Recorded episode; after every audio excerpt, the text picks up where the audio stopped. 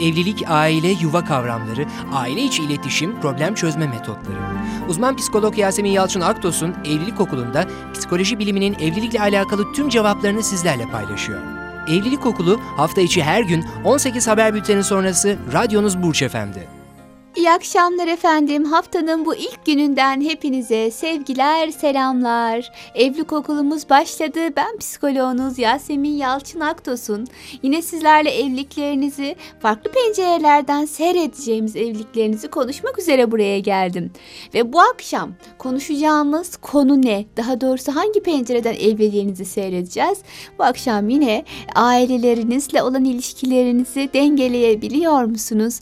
Kayınvalide sendromu yaşanıyor mu? Acaba kayınvalideler neler hissediyorlar? Bütün bunları konuşmaya çalışacağız. Geçtiğimiz hafta gelin kayınvalide ilişkilerine başlamıştık ve özellikle gelinler neler yapmalı, neler hissediyorlar bunlara değinmiştik.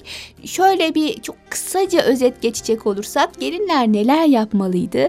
Daha evlenmeden önce bünyelerinde hasıl bulunan ön yargıları, suizanları şöyle bir kenara bırakmalıydılar. Hüsnü zanla bir işin içine girersek inanın o olay hüsünleşir, güzelleşir. Yani o benim beyime baktı, büyüttü. O bir anne beklentisi olabilir. Belki biraz duygusal da bakıyor olabilir. Belli bir yaşın üzerinde, belki de menopoz döneminde buna bağlı gerilimler yaşıyor olabilir deyip empati kurabilirsek, hüsnü zanla bakabilirsek, inanın kötü gibi görülen mevzular çok da kötü değilmiş bunu fark etmiş olacağız demiştik efendim. Bununla beraber çok önemli bir konu vardı. Bunu özellikle vurgulamamıştım. Bugün vurgulamak istiyorum. Şunu da istemiyoruz. Yani ne olursa olsun susayım da problem çıkmasın. Ben içime atayım, idare edeyim. Anlayışına da girmemek lazım. Ortada hoşlanmadığınız, sizi rahatsız eden, sizi tahrik eden bir yaklaşım varsa bunun karşısında kendinizi de ifade etmelisiniz.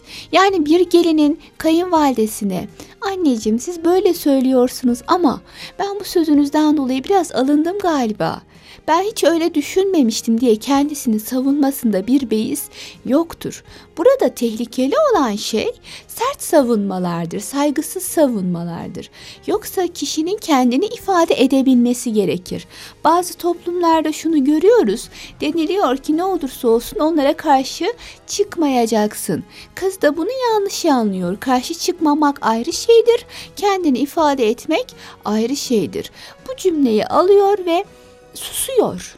Kayınvalide bazen negatif davranışlar içine girip bağırabiliyor, kızabiliyor, bazı problemler kişiden kaynaklanan, kişilikten kaynaklanan kayınvalidelikten değil kesinlikle ama bir takım patolojik yaklaşımlarda bulunabiliyor. Bu durumda gelin aman sorun çıkmasın diye susuyor. Hatta öyle gelinler var ki bu durumu eşleriyle bile paylaşmıyorlar. İçine ata ata ata ata dolayısıyla farklı bir hastalık yaşar bu gelin. Çok fazla gelinde gördüğümüz özellik depresyona girerler. Sebep ne? Sebep yok gibi görünür. Oysa sebep var.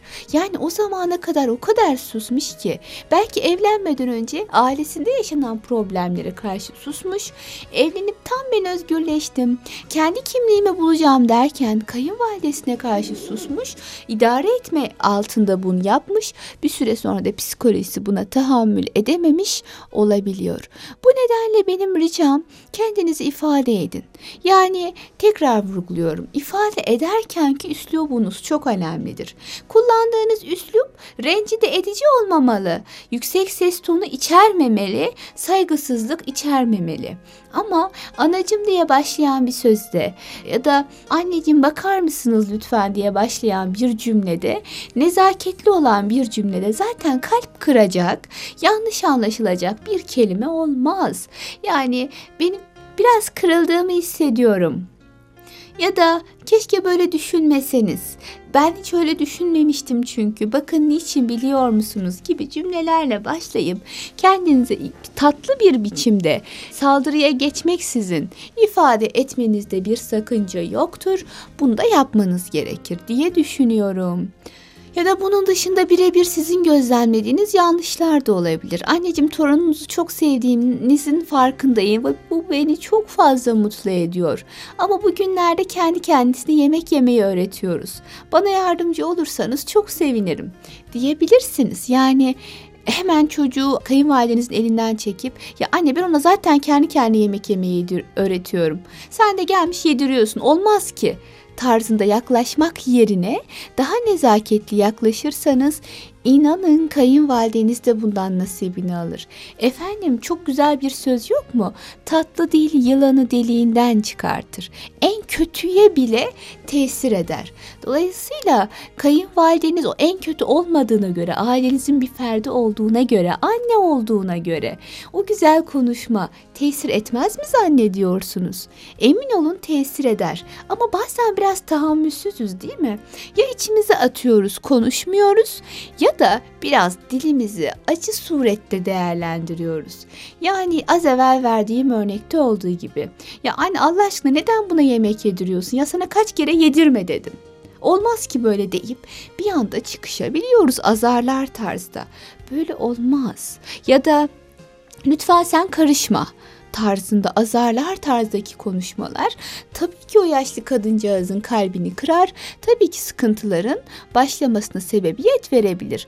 O yüzden evet kendinizi ifade edin diyoruz ama üslubunuza dikkat edin. Neyi niçin istediğinizi, neden rahatsız olduğunuzu dile getirirken suçlama cümleleri kullanmamaya özen gösterin. O zaman her şey yoluna girecek. Mesela hayır anne size gelip yemek yiyemeyiz. Ben evde zaten yemeğimi yaptım. Bu çok sert bir ifade. Ama şunu dese bir gelin. Anneciğim eşime yemek yapmayı ben gerçekten çok özledim. Bu beni çok mutlu ediyor. Oğlunuzun da mutlu olduğunu hissediyorum. O yüzden ben bu akşam evimde yemek yapmaya karar verdim bir sakıncası olmayacaksa. Bu. Yani o esnada belki kayınvalideniz yine bu cevabınızdan hoşlanmayacak. Ama olsun siz onu kırmamış olacaksınız ve kendinizi daha güzel bir surette ifade ettiğiniz için kendinizi de üzmemiş olacaksınız. O yüzden ifade lakin üsluba dikkat ederek yapılan ifade mutlaka bir gelinin edinmesi gereken özelliktir. Mesela bazı gelinler şöyle derler. Ben e, politik davranamam. Ben işte efendim içimden geldiği gibi davranırım. Bu politik davranmak değil, bu olması gereken nabza göre şerbet vermek. Yani şeker hastası birine şeker seviyor diye ya da siz şekeri seviyorsunuz diye bol bol şeker verilir mi? Verilmez. Ona daha az şeker vermeniz gerekir. O zaman daha sağlıklı olur. Yani burada kişiye ne vereceğinize vereceğiniz kişinin tarzı belirler. Vereceğiniz cümle daha sakin olmalı hassas bir insan için. Vereceğiniz cümle daha net olmalı aceleci bir insan için. Dolayısıyla kayınvalideye ya da insanlar arası ilişkide de hassas olduğuna inandığınız tüm insanlarla konuşurken daha dikkatli konuşmanız gerekir. İçimden gelmiyor ne yapayım ben birazcık daha dobra bir insanım. Bu sadece bir savunma mekanizması ve yersiz bir savunma mekanizması. Dolayısıyla gerçekten iletişime geçmek istiyorsanız karşıdaki insanı da mutlu etme çabası içinde olmalısınız diye düşünüyorum efendim. Evet gelin kayınvalide ilişkilerinde stratejik yaklaşıldığında, birkaç olumlu adım atıldığında, hüsnü zanla bakıldığında, güzel konuşmalar devreye girdiğinde, içe atılmadığında, yaşanan sorunlar yutulmadığında gerçekten problemlerin büyük bir kısmı aşılabiliyor. Ben bugün burada bir de şuna değinmek istiyorum. Aynı evde mi yaşansın, farklı evlerde mi yaşansın? Aynı evde yaşanması büyük bir tehlike anlamına gelmez. Ama ihtimalde sıkıntıların doğabileceği anlamına gelir ki bu riski göze almamak daha uygundur aslında evliliklerde. Varsa imkan başka evlerin olması yani yeni kurulan ailenin kendi yuvalarının olması anne babalarının evlerine taşınmamaları tercih ettiğimizdir.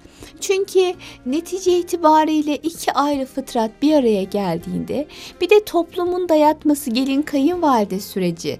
Bu anlayış bir araya geldiğinde gereksiz, hakikaten çok güzel bir ilişki kurulabileceği halde yersiz çatışmalar olabiliyor. Aslında bir kız çocuğu annesiyle de çatışır. Ama anneyle olan çatışma daha çabuk unutulur ya da bertaraf edilebilir. Kayınvalideyle olan çatışma bak gördün mü şimdiden başladı gibi bir ön yargıya sebebiyet verir. Bu nedenle aynı yaşayan insanlar dönem dönem uzlaşamayabilirler. Bu aynı kandan olan insanlarla olunca çok sorun olmuyor da kayınvalide gibi hani dışarıdan ve ön yargılarla dolu bir isim olunca ufacık çatışma çok büyüyebiliyor ve sıkıntıya dönüşebiliyor. Geçtiğimiz hafta vurguladığımız diğer bir anlam vardı. Bir evde iki ev kadını olmuyor, iki ev hanımı olmuyor. Dolayısıyla evin ilk hanımı kimse o evin kadını rolünde oluyor ve yeni gelen kişi, evlenen yeni gelin ev kadını rolünü yaşayamamanın da sıkıntısını duyabiliyor bünyesinde dönem dönem. Tüm bunlara bakarak da diyebiliyoruz ki biz çok zaruri bir neden yoksa farklı evlerde kalın. Çok çok uzaklarda olmanıza da gerek yok. Yani bundan sonraki olay ister yakın oturun ister uzak oturun. Sadece şunu bilin. Yani biz iki ayrı aileyiz. Bu anlayışa sahip olun. İkincisi anne ve babaya vefa asla göz ardı edilmemelidir. Bu iki anlayış olduğu zaman ister aynı binada oturun, isterseniz çok uzak mesafelerde oturun. O samimiyet yine de e, hissettirilebilir, ilişkiler yine de dengeli tutulabilir diye düşünüyorum ben. Başka evde oturmanın en büyük avantajı gelinin rakip gibi gördüğü bir kayınvalidesi olmaz. Eşini paylaşmak zorunda hissettiği aynı şey kayınvalide için de geçerlidir. Dolayısıyla birbirlerini kendi konumlarına daha rahat kabul ederler. O kayınvalidem eşimin annesi, o benim gelinim, oğlumun karısı. Bunu kabul etmek daha kolay olur. Birincisi bu. İkincisi her iki tarafta e, özlerler birbirlerini. Yani oğlunu özler anneye, gelinini özler, olduysa torunlarını özler. Hakeza erkek çocuk için de geçerli bu. Doğan çocuklar için de geçerli, gelin için de geçerli. Özlenir. Gerçekten özlenir. İnsanın eşinin ailesi ilişkileri güzelse bir arada olma arzusu yaşanır gerçekten. Dolayısıyla bu pozisyonda baktığımız zaman başka mekanlarda yaşıyor olmanın özlemliğe bir avantajı da olabilir. Gerçekten öyle. Ben mesela şu an düşünüyorum. Şu an kayınvalidemi, ablalarımı, eşimin ablaları ama benim de ablalarım. Ablalarımı, abilerim gerçekten çok özledim ve bir an önce en ufak bir fırsat bulsam da küçük bir şey de o, zaman dilimi de olsa gitsem ve görsem diye düşünüyorum. Bu duyguyu oluşturan şey ne? Aradaki ilişkinin güzelliği, mesafesi, saygınlığı, sevgisi. Bütün bunlardan dolayı da tabii ki onların da beni özlediğini hissediyorum. Ben de onları çok fazla özlüyorum. Eşim ve çocuğum da aynı şekilde. Dolayısıyla üslubu güzel kullandığı zaman karşılıklı olarak her iki tarafta. Bu bir. İkincisi paylaşılamayan erkek anlayışı olmadığı zaman alıp verilemeyen bir durum aslında söz konusu olmuyor. Bir de mesafe. Aynı evin içi bu anlamda biraz dezavantaj olabiliyor ama biraz mesafeler olduğu zaman, özlem de devreye girdiği zaman gerçekten gelini kayınvalideden, kayınvalideyi gelinden, aileleri birbirinden soğutan bir sorun kalmamış oluyor. Yeter ki biraz pozitif bakalım diye düşünüyorum efendim.